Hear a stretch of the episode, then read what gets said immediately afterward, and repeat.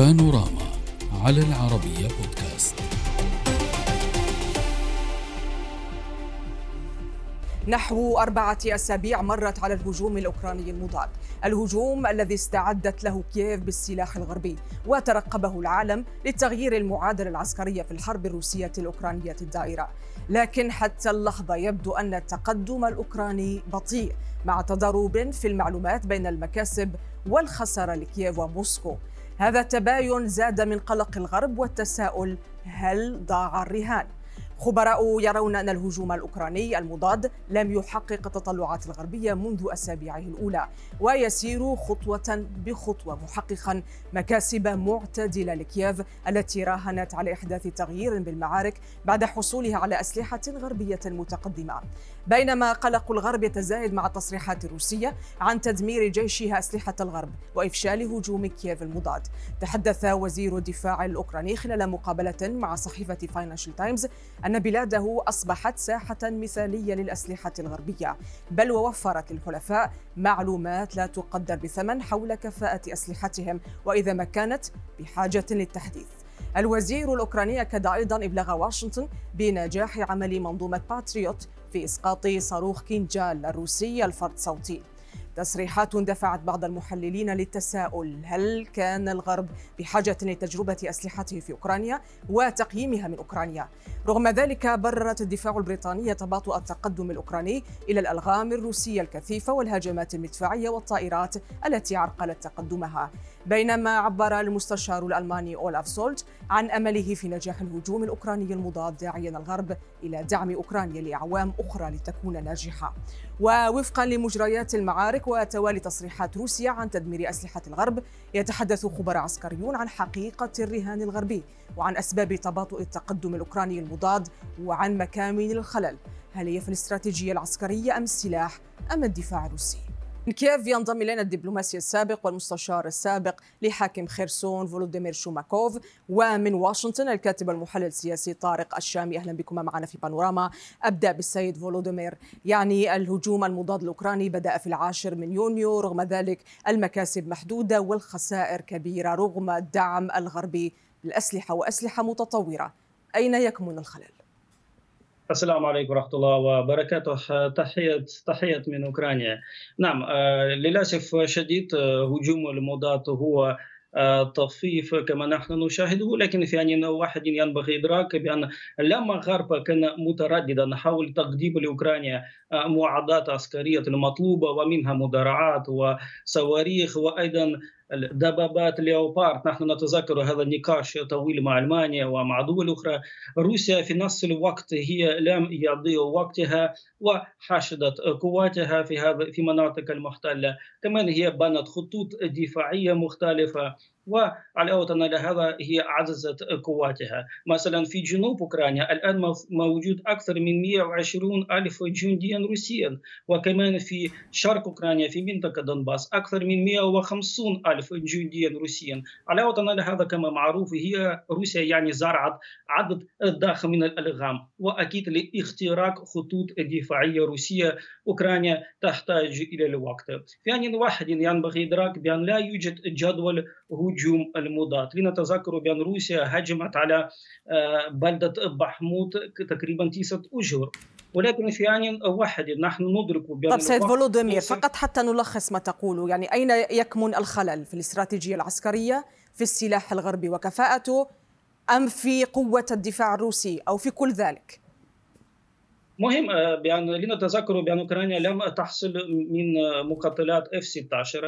كمان أمريكا بالمناسبة رفضت تقديم لأوكرانيا دبابات الابرمس مروحيات وصواريخ بعيد المدى. وكل هذه المعدات العسكرية جزء لا يتجازى منها لهجوم لتنفيذ هجوم مضاد ناجح. ولكن على الرغم من ذلك أكيد موجود هجوم مضاد قوات مسلحة أوكرانية هو طفيف ولكن الآن هدف أساسي لقوات مسلحة أوكرانية هذا استنزاف روسيا في خطوط التماس مع روسيا. بصراحة عندنا خط التماس هو طويل أكثر من 1500 كيلومتر. يعني أوكرانيا ما زال تحتاج للوقت لاختراق خطوط دفاعية آه، روسية. نعم عندنا موجود خسائر ولكن كما أفاد السيد زيلينسكي رئيس أوكرانيا بأن هدف رئيسي لقوات مسلحة أوكرانية هذا حفظ أرواح جنود أوكرانية.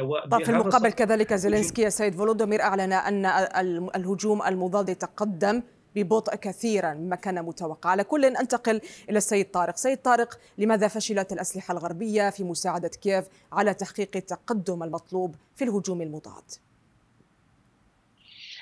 آه، يعني بداية أعتقد أنه آه، لا يمكن يعني الجزم بأن الأسلحة الغربية فشلت ولكن المسألة تتعلق بقدرة الروس على أنه كان لديهم مزيد من الوقت آه، قبل هذا الهجوم لحفر الكثير من الخنادق وتحصين دفاعاتهم آه، لمقاومة هذا آه، الغزو أو هذا الهجوم الأوكراني. ولكن لا شك أن القادة السياسيين في الغرب وفي الولايات المتحدة وإدارة بايدن على وجه الخصوص تشعر بكثير من الإحباط لأنهم يعني مقبلون على انتخابات في أماكن عديدة وعلى رأسهم الرئيس بايدن الذي يعتقد أن الفشل في نجاح هذا الهجوم المضاد هو سيكون فشلا في سياسته الخارجية وربما يدفع ثمنه في ضد الرئيس السابق ترامب الذي يقول أنه يستطيع أن يوقف الحرب خلال يوم واحد طب سيد طارق لماذا و... فشل هذا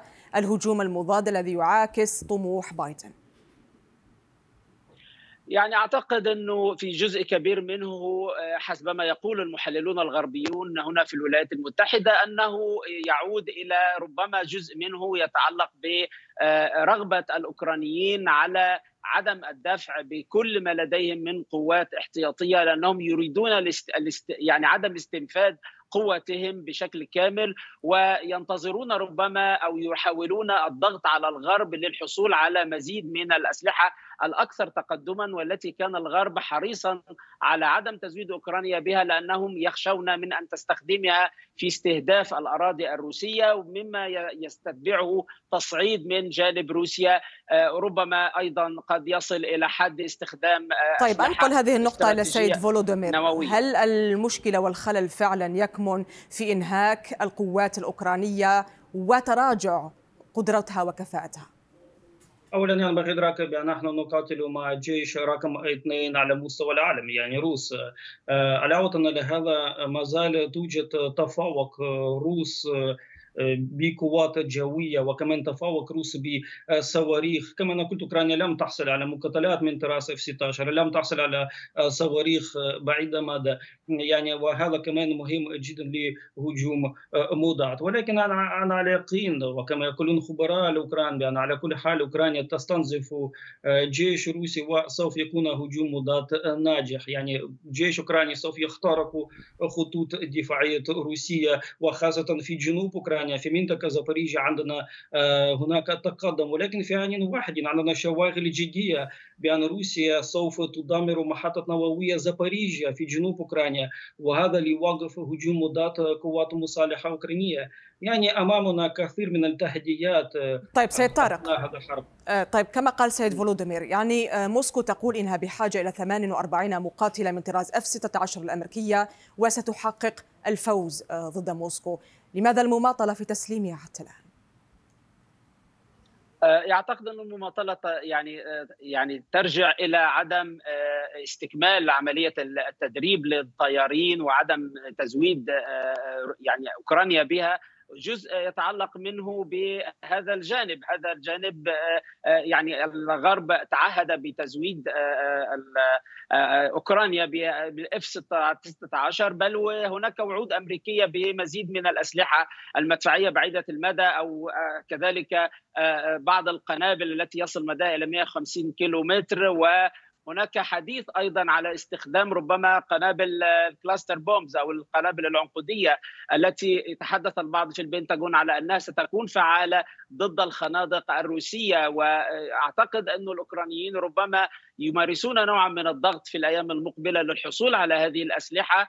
وقد يعني تحت الضغط الذي يواجهه الرئيس بايدن ربما يوافق على تزويدها بهذه الأسلحة لأنه لا يمكن له ان أن يصل إلى نقطة الانتخابات الأمريكية القادمة الرئاسية التي هو في أدنى مستويات شعبيته في الداخل الأمريكي وهو بحاجة إلى تحقيق هذا النصر. وأعتقد أنه سيفعل ذلك حتى في خلال الأيام المقبلة التي سيكون فيها اجتماع آه، قمة الناتو في ليتوانيا قريبا في هذا طيب. الشهر. سيد فولوديمير يعني يقول نقاط مهمة سيد طارق؟ يعني تم تسليم كييف بأسلحة متطورة في الأشهر السابقة؟ نتحدث عن مدرعات نتحدث عن منظومات دفاعية مسيرات وحتى دبابات متطورة جدا ولديها منظومة ذكية. لماذا فشلت كييف في تحقيق أي خرق للدفاعات الروسية؟ وفي حال حصولها على مقاتلات اف 16 هل هي قادرة على تحقيق الهزيمة لموسكو؟